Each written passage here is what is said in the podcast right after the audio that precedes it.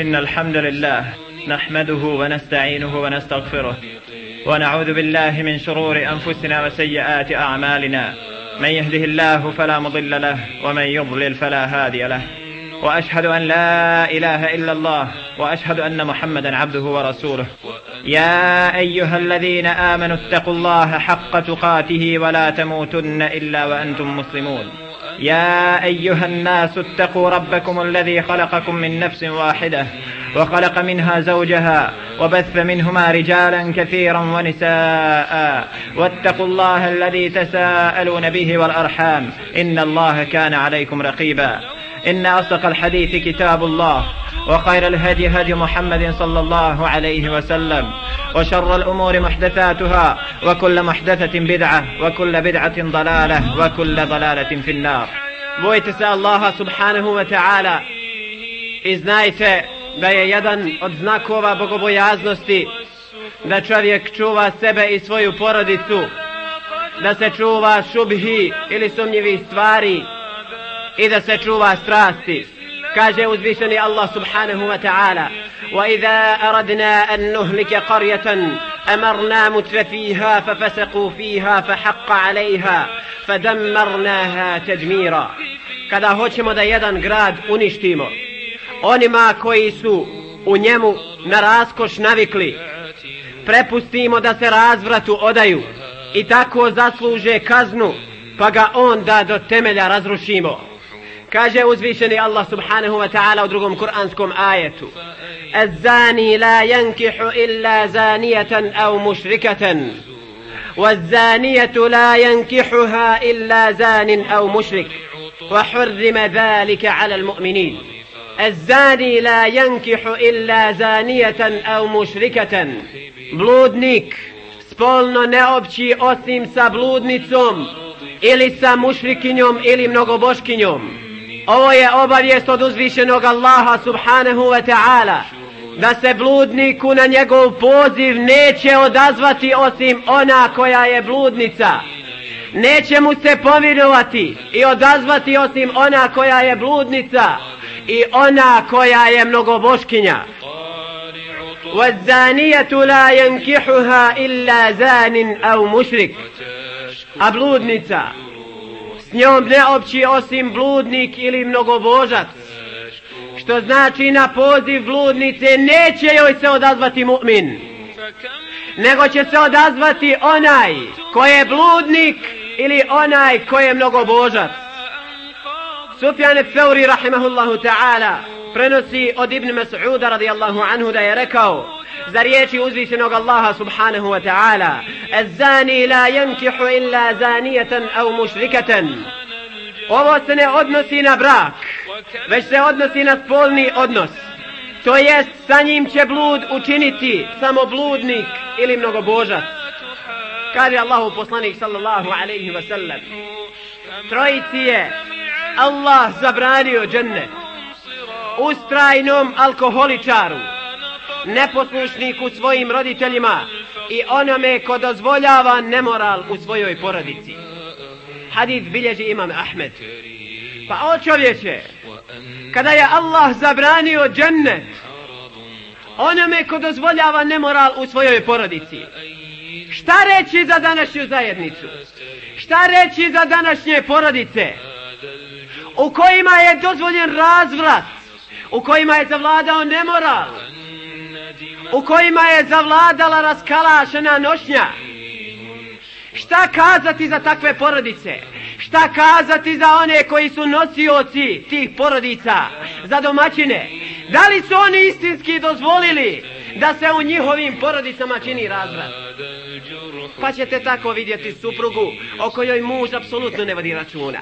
Pa ćete tako vidjeti kćerku i sina o kojima roditelji apsolutno ne vode računa gledate roditelja kako gleda svoju kćerku koja mu javno pokazuje svoja prsa, javno mu pokazuje svoje dijelove tijela, stidne dijelove tijela. I pogledate roditelja, sjedi u takvoj kući i gleda svoju kćerku, ne osjećajući ni malo ni stida ni srama.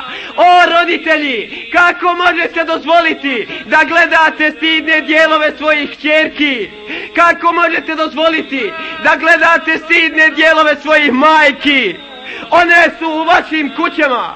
Vi ste dužni da osjećate poštovanje prema njima, da ih zaštitite, da ih branite od onih koji žele da im napakoste, a ne da i vi svojim očima gledate ono što vam je zabranjeno.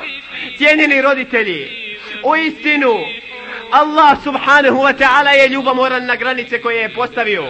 Sa'd ibn Mu'ad radijallahu anhu, onaj čijom smrću se zatresao arš, gospodara našega je zaklao konja na kojem je jahala njegova supruga. Zaklao je konja na kojem je jahala njegova supruga, ne želeći da više iko uzjaše tog konja. Ovo je bila ljubomora Sa'd ibn Muada.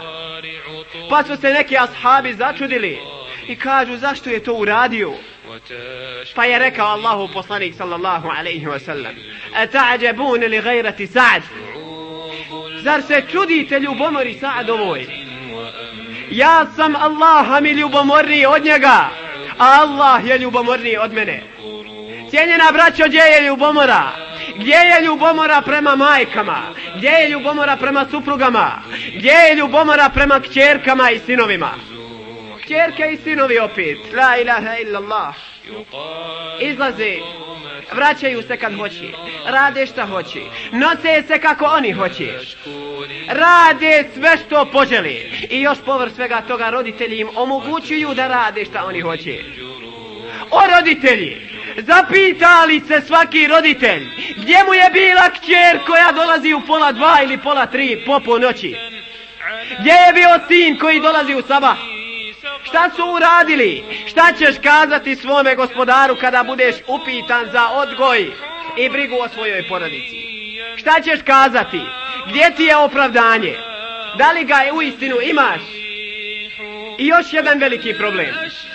Cijenjeni roditelji, cijenjeni domaćini, vi koji ste dužni da vodite brigu o sebi i svojim porodicama, vi koje doziva gospodar i kaže يا أيها الذين آمنوا Qu anfusakum wa نارا وقودها Wa والحجارة. Nasu wal O vjernici Čuvajte sebe i svoje porodice od vatre Čije će gorivo biti ljudi i kamenje Qu anfusakum wa ahlikum naran Wa kuduha nasu wal hijara.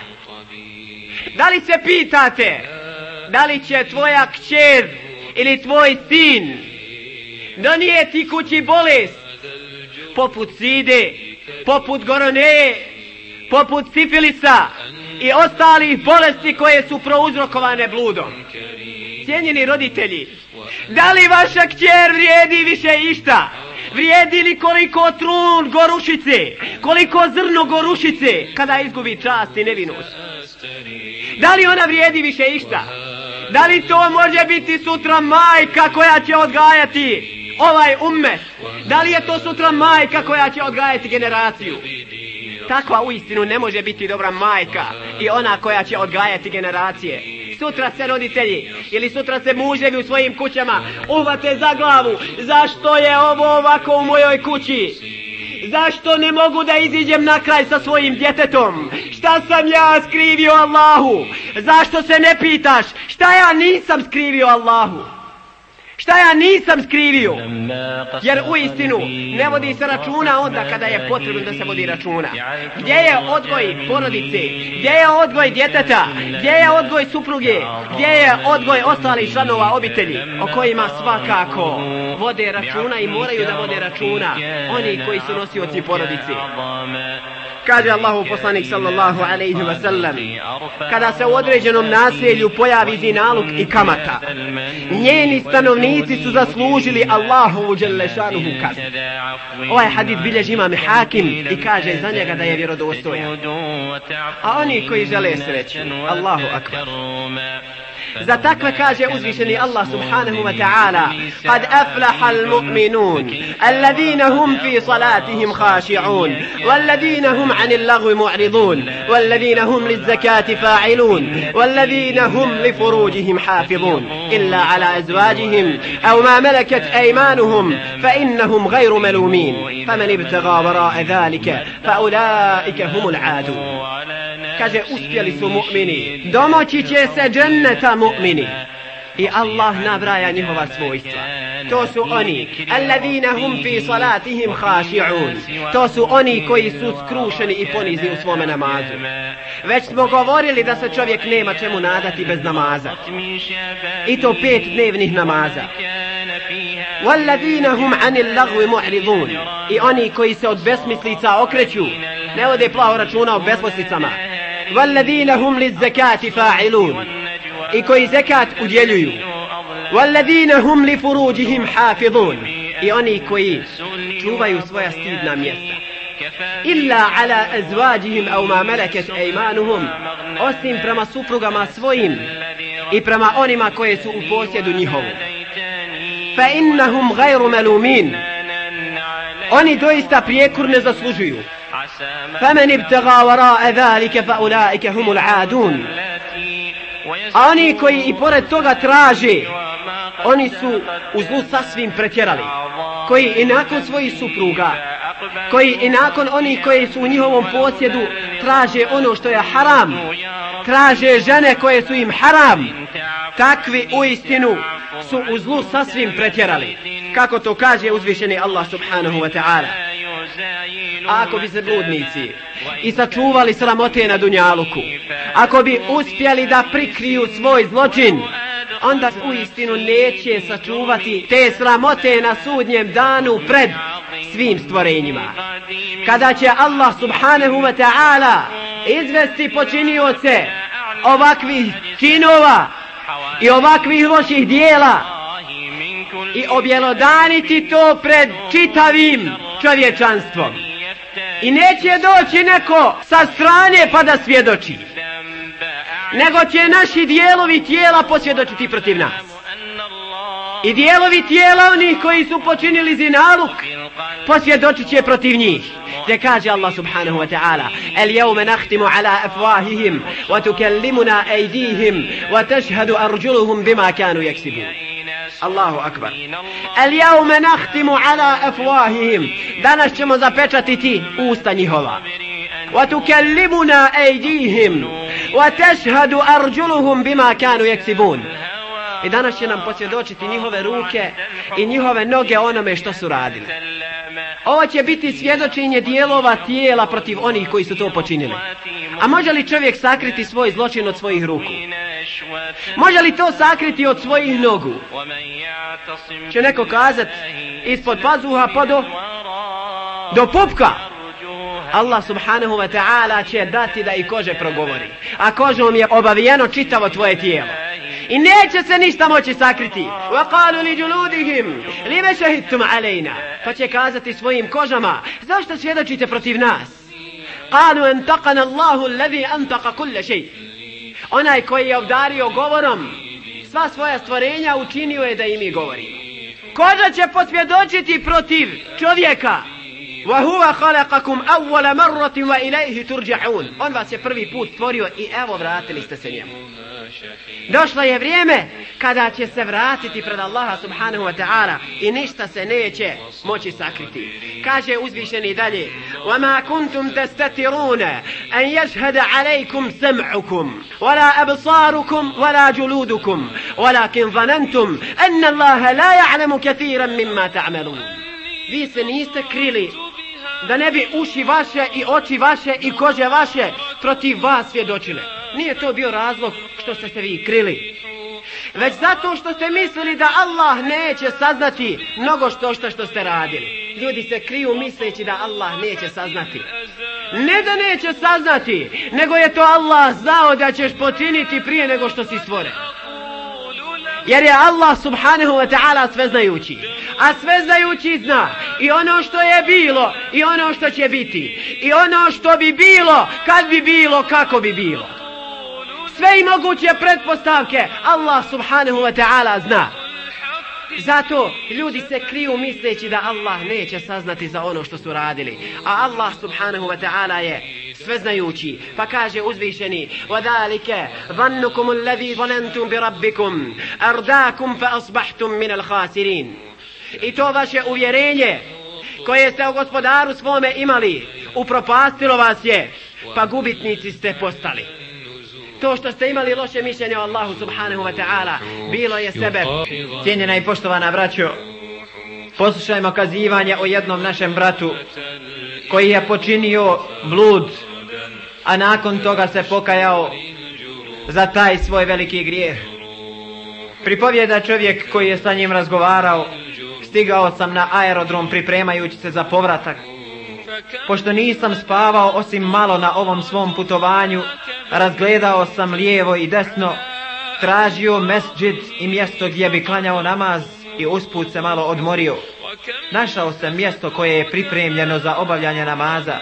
Otišao sam i zaspao dubokim snom poslije obavljenog sabah namaza. Probudio sam se pred podne uz plač jednog mladića starosne dobi između 20 i 30 godina. On je klanjao namaz i to plačući. Plakao je plačem žene koja je izgubila svoga muža. Ja sam ponovo nastavio spavati jer me umor savladao. Nakon nekoliko momenata prišao mi je upravo taj mladić koga sam vidio da plače u namazu i probudio me na namaz. Reče mi, zar možeš spavati? Mogu, odgovorio sam mu. Kaže, ja ne mogu spavati, niti mogu san okusiti. Hajde da klanjamo namaz, a poslije namaza neka bude ono što je Allah subhanahu wa ta'ala odredio. Poslije namaza sam ga upitao, a šta ti je? Reče, ja sam iz Rijada. Iz bogate sam porodice. Sve što zaželimo, to nam je i omogućeno. Bilo da se radi o odjeći i metku, prijevoznim sredstvima, sve nam je omogućeno. Ali sam se umorio od rutinskog života. Pa sam zbog toga htio otputovati izvan zemlje i razmišljao sam o tome. Da li da otputujem u zemlju gdje putuje i ostali narod? Pa sam se pobojao da će me prepoznati i osramotiti. Odabrao sam ovu zemlju u kojoj se nalazimo nas dvojica, gdje me niko ne poznaje nisam imao namjeru počiniti blud, već malo se zabavljati, tračiti svoje vrijeme, igrati se i usput se malo odmoriti. Ovaj mladić nakon što je stigao u ovu zemlju, loše društvo ga je okružilo i on im se pridružio.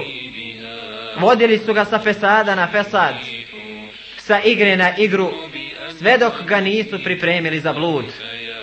Osamio se s jednom pokvarenom djevojkom, Ona ga je zabavljala i zavodila sve dok nije počinio zinaluk. Nakon završenog čina pojavi se temperatura u njegovom srcu te je počeo plakati i vikati. Počinio sam zinaluk, počinio sam zinaluk i to po prvi put. Kako sam porušio branu ili tu veliku zidinu koja me sprečavala od bluda. Biće mi zabranjene džennetske hurije, izišao je na vrata sav uplakan. Sačekao ga je jedan od radnika i upitao, šta ti je, zašto plačeš? A zašto da ne plačem? Počinio sam blud, počinio sam blud. Ma lahko je to, uzmi jednu čašu alkohola i sve ćeš zaboraviti. Vi ste me nagovarali i zbog vas sam izgubio džennetske hurije, učinivši zinaluk.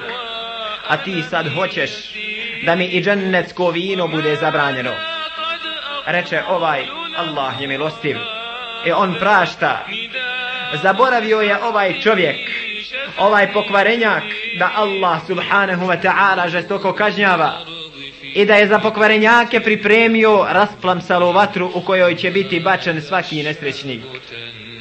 Mladić je plakao zbog onog što ga je zadesilo. Sakrivao je svoje lice i govorio mi ja lejtehum ahadu mali لقد مضوا بي إلى الزنا لقد أفسدوا وكسروا ديني وإيماني kaže da su Bog do uzeli moj imetak nego su me odveli da počinim zinaluk upropastili su i slomili moju vjeru i slomili su moj iman dalje govori pa kaže wa fi tilka al-lahzati allati intahaytu fiha min az-zina وأنا لا أزال باكيا قلقا حزينا kaže od tog momenta od kad sam završio sa tim činom neprestano sam u plaću velikoj brizi i puno sam zabrinut Onda mu je brat koji je sa njim bio proučio riječi uzvišenog Allaha subhanahu wa ta'ala da bi ga malo utješio. Jer je na njegovom licu primijetio da taj čovjek osjeća da mu Allah Đalešanhu neće oprostiti. Pa kaže Kul ja ibadi أَسْرَفُوا asrafu ala anfusihim la taqnatu min اللَّهِ Reci O robovi moji koji ste se prema sebi ogriješili La taqnatu min rahmetillah Ne gubite nadu Allahovu milost. Inna Allaha yagfiru dhunube jami'a. U istinu Allah oprašta sve grijehe. Innahu huvel gafurur rahim. U istinu on prašta i on je milostiv.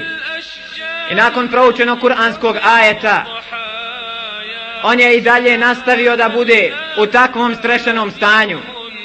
Pa je samo ponavljao Kullu yaghfirullahu lahu illa ene Svakome će Allah oprostiti Samo neće oprostiti meni. Ovaj ga je uporno tješio A on je samo ponavljao.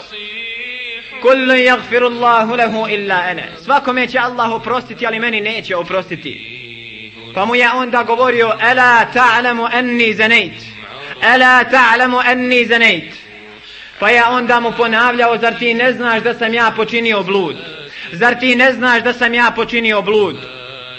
Zatim je upitao svoga prijatelja koji ga je tješio: "Hel zanait? Da li si ti počinio blud?" On je odgovorio la wallahi ne tako mi Allaha subhanahu wa ta'ala. On mu je onda odgovorio idan anta la ta'lamu hararat al ma'siyati allati ana fiha. Onda ti i ne znaš kakva je žestina ovoga grijeha kakva je žestina nepokornosti Allahu subhanahu wa ta'ala. Ti onda i ne znaš kako ovaj grijeh peče. Nakon toga su se rastali otišli su za Rijad. nakon nekog vremena sreli su se. Onog momenta kada su se sreli, ponovo je eksplodirao, da tako kažemo, i počeo je plakati.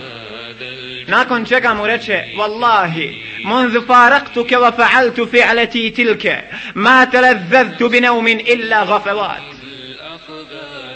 kaže tako mi Allaha Đelešanhu od momenta od kako sam se rastao sa tobom i od kako sam učinio taj grijeh nisam zaspao osim samo na momente. Pa je sebi ponavljao i postavljao pitanja na koja je svakako znao odgovor.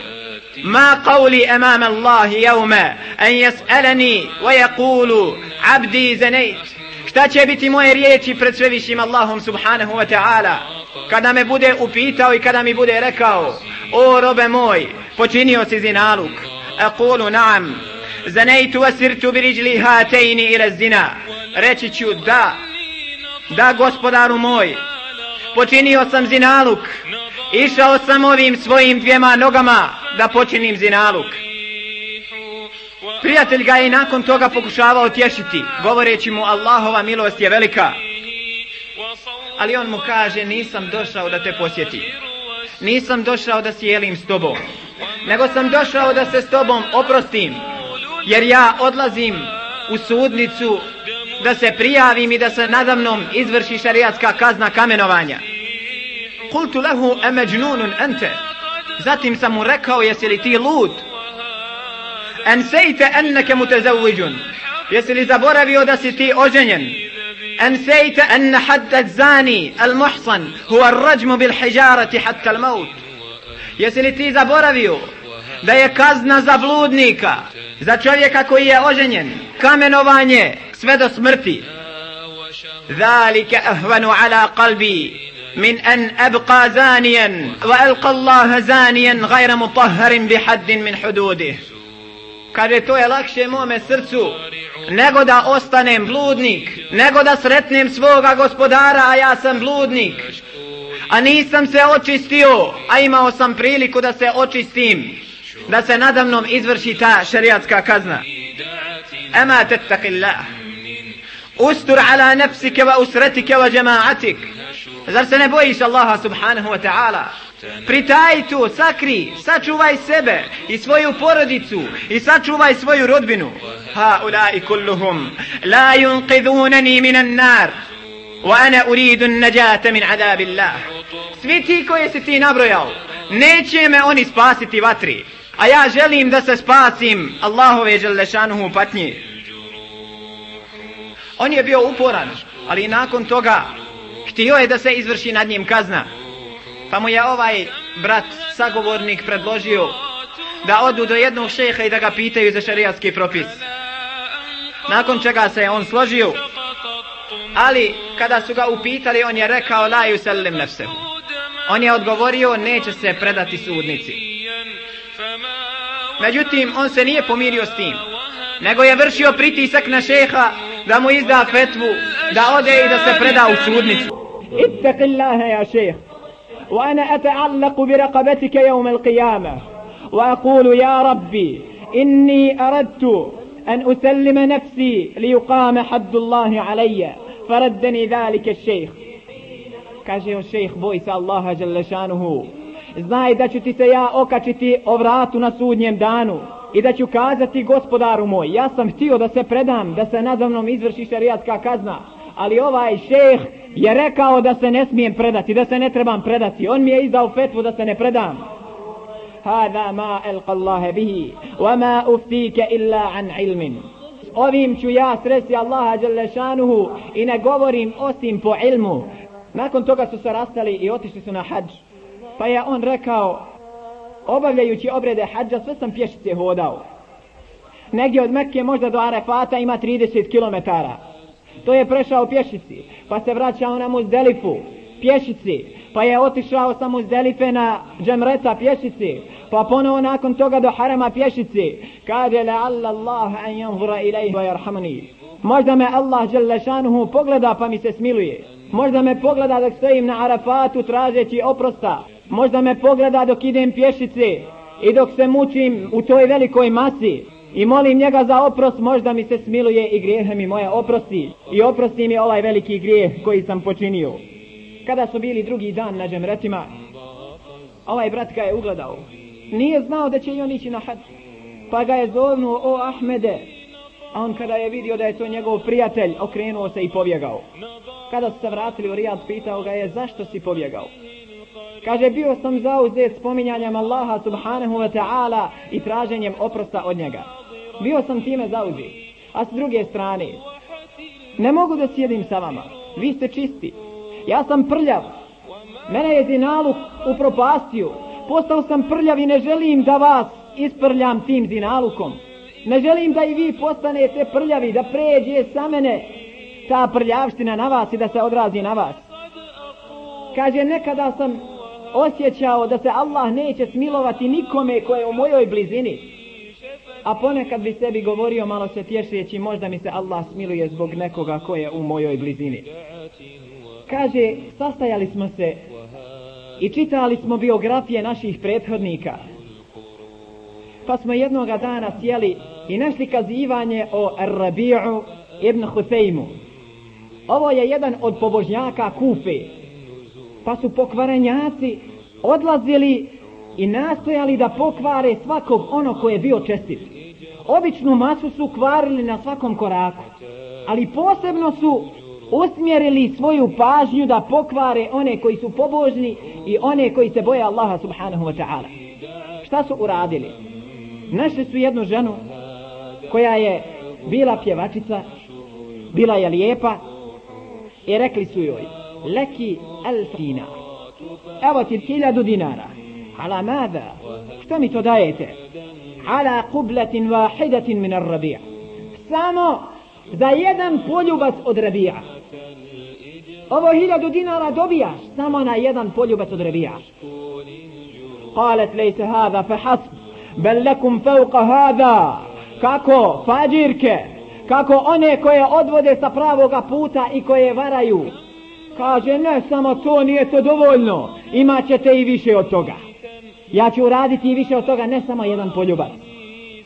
Pa je ona iskoristila priliku i osamila se s Arabijom skinula je svoju odjeću a onda je Ar-Rabi' onaj koji se boji Allaha subhanahu wa ta'ala onaj koji računa na polaganje računa rekao joj kejfe biki lau nezala l'humma bi jismik وغيرت ما أرى من لونك وبهجتك.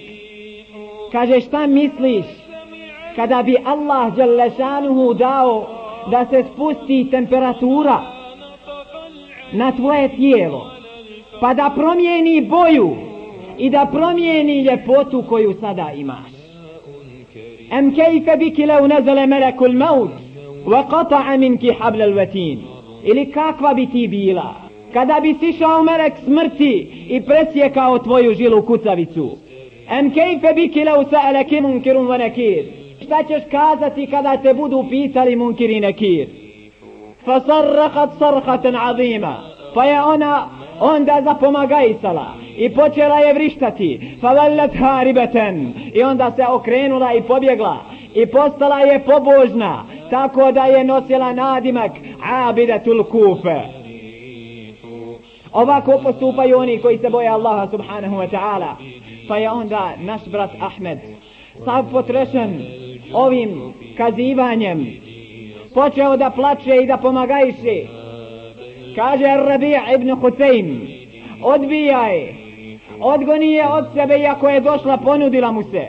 A ja sam sa svojim dvijema nogama otišao i tražio da počinim zinaluk i ponovo u plač i ponovo u jedno veliko beznađe osjećao je veliko pokajanje i veliko okajanje. pa je ovaj naš brat sreo jednog od uleme i ispričao mu šta se događa sa ovim našim bratom Ahmedom. Kada mu je kazao sve šta se sa njim desilo, a on je vjerovali ili ne, nakon što je obavio hađ, postao hafiz Kur'ana. Puno je obavljao namaz, čak i dobrovoljne napile. Pa je i povrh svega toga svaki drugi dan postio, postio je Davudov post, tražeći oprosta od Allaha subhanahu wa ta'ala. Kada je ispričao ovome alimu šta se dešava sa ovim bratom, on mu je rekao možda lud koji je počinio bude sebebom da uđe u ženet kako? jer ga je taj blud natjerao da se istinski pokaje jer je taj blud bio sebebom da se vrati Allahu subhanahu wa ta'ala taj blud je bio sebebom da je on i dane i noći provodio u ibadetu Allahu subhanahu wa ta'ala naravno ovo se odnosi na onoga koji se istinski pokajao ali kaže možda su riječi uzvisnog Allaha subhanahu wa ta'ala precizno za tog čovjeka pa je proučio riječi uzvisnog Allaha subhanahu wa ta'ala والذين لا يدعون مع الله إلها آخر ولا يقتلون النفس التي حرم الله إلا بالحق ولا يزنون ومن يفعل ذلك يلقى أثاما oni koji ne mole nikoga drugog mimo Allaha subhanahu wa ta'ala ولا يقتلون النفس التي حرم الله إلا بالحق i ne ubijaju nikoga osim kada to pravda nalaže ولا يزنون i ne bludniče ومن يفعل ذلك يلقى أثاما ako to uradi iskusit će kaznu يضاعف له العذاب يوم القيامة ويخلد فيه مهانا يضاعف له العذاب أنا سودنjem danu će mu kazna biti udvostručena Šta znači da će mu kazna biti udvostručena? Bludnici će na sudnjem danu biti kažnjavani u dolini. I kada god budu kaženi, ponovo će se kazna povraćati. To je ponavljanje kazni. To je umnogostručavanje kazni. Kada će se kazna neprestano ponavljati i on će kušati tu kaznu koju je Allah pripremio za bludnike. وَيَحْلُدْ فِيهِ muhana i u njoj će vječno ostati ponižen. Illa men taba wa amana wa amila saliha. Osim onih koji se pokaju i koji uzvjeruju u Allaha subhanahu wa ta'ala i koji budu radili dobra djela. Fa ulaika yubaddilu Allahu sayyi'atihim hasana. To su oni čija će djela Allah zamijeniti dobrim djelima. Allahu akbar. Teuba. Briše grijehe i čak šta više Allah subhanahu wa ta'ala će onima koji su se istinski pokajali promijeniti njihova loša djela u dobra djela. Allahu akbar. Ali ovo je istinska teuba. Oni koji se plaho tješe, neka znaju da Allah žestoko kažnjava.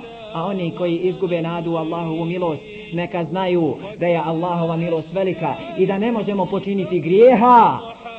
A da kada se za njih pokajemo da ih Allah ne može oprostiti Ovaj brat nakon što je čuo ovaj kuranski ajet, uputio se prema kući našega brata Ahmeda da ga obavijesti o ovom kuranskom ajetu iako je on hafiz Kur'ana došao mu je našao ga i počeo mu učiti kuranski ajet والذين لا يدعون مع الله إلها آخر ولا يقتلون النفس التي حرم الله إلا بالحق sluša ga, pomno ga sluša. Oni koji ne pripisuju Allahu druga, koji ne mole nekoga drugog mimo Allaha subhanahu wa ta'ala. ولا يقتلون النفس التي حرم الله إلا بالحق إن ubijaju nikoga osim kada to pravda zahtjeva. Vela je znun kada je spomenuo ove riječi ponovo se osjetilo trganje kod Ahmeda jer njegova prsa je kidao svaki spomen zinaluka i bluda pa je počeo ponovo da plače ومن يفعل ذلك يلقى اثاما onaj ko to uradi kaznu će iskusiti. Yudaaf lahu al'adabu yawm al-qiyamah wa yakhlud fihi muhana. Kazna će mu biti udvostručena na sudnjem danu i u njoj će vječno ponižen ostati.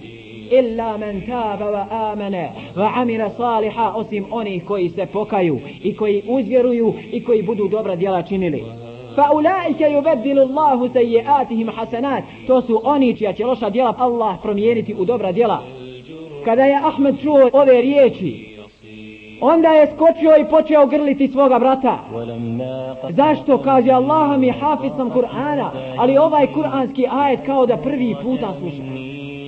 Kao da ga nikad nisam čuo. Stao je u namaz jer nije bilo imama. Kada je mu proučio i kamet počeo je da klanja. Počeo je učiti ovaj kuranski ajet došao je do riječi illa men taba wa amana wa amila saliha. I počeo je plakati i nije mogao završiti ajet. otišao je na ruku na seždu vratio se na drugi rekat. I ponovo počeo učiti isti kuranski ajet da bi se ponovilo isto. Nije mogao da pređe preko ovih riječi jer je teuba njegova bila iskrena. Njegova teuba i veza sa Allahom subhanahu wa ta'ala je bila jaka. Nakon toga je završio namaz. I izišli su iz mesida ali pogledajte cijenjena braćo šta je iskrena i istinska teuba. Ovo je istinska prava teuba. Kakvom treba da bude okićen svaki mu'min nakon bilo kakvog grijeha. U ovoj situaciji nakon zinaluka. Ali iskrena teoba je iskrena teoba popraćena sa suzom popraćena sa kajanjem. Popraćena sa čvrstom odlukom da se više nikada čovjek neće vratiti dotičnom haramu. Došao je taj petak i negdje pred kraj dana otac od Ahmeda je nazvao ovoga brata i kaže Ahmed želi da dođeš odmah. Kaže došao sam i na ulazu u njegovu kuću našao njegovog babu koji me dočekuje. Upitao sam ga šta se desilo gdje je moj prijatelj Ahmed sahibuke Ahmed jatlubuke samaha ويودعك إلى دار الآخرة tvoj prijatelj Ahmed traži od tebe halala i on te ispraća jer odlazi svome gospodaru na drugi svijet لقد انتقل مغيب هذا اليوم إلى ربه on je pred kraj ovoga dana preselio na ahiret i otišao svome gospodaru. Thummen fejaral Abu Bakija, zatim je otac prasnuo u jedan veliki plač jer nije mogao da se suzdrži od toga. Ovo je kazivanje o jednom čovjeku koji je počinio zinalog. Kaže Lukman svome sinu, o sine, čuvaj se bluda. Njegov početak je bojažljivost a njegov kraj je kajanje stoga cijenjena braćo čvrsta odluka svakog mu'mina da će se bojati Allaha subhanahu wa ta'ala pomoći će ga da se sačuva ovog velikog grijeha. I cijenjena braćo čuvajmo sebe i svoje porodice od jahannamske vatre čije će gorivo biti ljudi i kamenje. Bojimo se uzvišenog Allaha subhanahu wa ta'ala i njemu istinski robujmo ovo je jedan od velikih poroka koji je zauzeo naše mase i u kojem se utapaju mase našega naroda među kojima ima i naše rodbine među kojima ima i naših bližnjih da nas Allah subhanahu wa ta'ala sačuva od toga. Uzvišnog Allaha subhanahu wa ta'ala molim da nas učvrsti na pravom putu i da nas učine od onih koji će se njega istinski bojati i koji će se kajati za svaki počinjeni grijeh. A njega molim da naša teuba ne bude teuba sa jezika, nego da to bude teuba, teuba sa srca. pripovjeda Ka'b pa kaže Kada sam ja došao i nazvao mu selam nasmiješio se osmijehom ljutitog čovjeka Ovo je dokaz da se čovjek kada je i ljut može nasmijati Jer je Allahu poslanik sallallahu alaihi ve sellem u ovoj situaciji nasmijao se. Zatim mi je rekao dođi pa sam došao i sjeo ispred njega. Zatim me upitao šta ti se desilo pa da izostaneš? Zar nisi bio kupio jahalic? pa sam rekao o Allahu poslanice doista da sjedim kod nekog drugog mimo tebe od ljudi ovog svijeta gledao bih da se izvučem iz njegove srđbe sa opravdanjem. A meni je data sposobnost polemike i rasprave. Ovo je bio čovjek koji je bio veliki govornik. Ali tako mi Allaha znam ako ti kažem da naslažan govor s kojim ćeš biti zadovoljan. Allah će sigurno prosuti tvoju sržbu na mene. A ako ti kažem istinu zbog koje ćeš se naljutiti na mene, ja se time nadam nagradi od uzvišenog Allaha.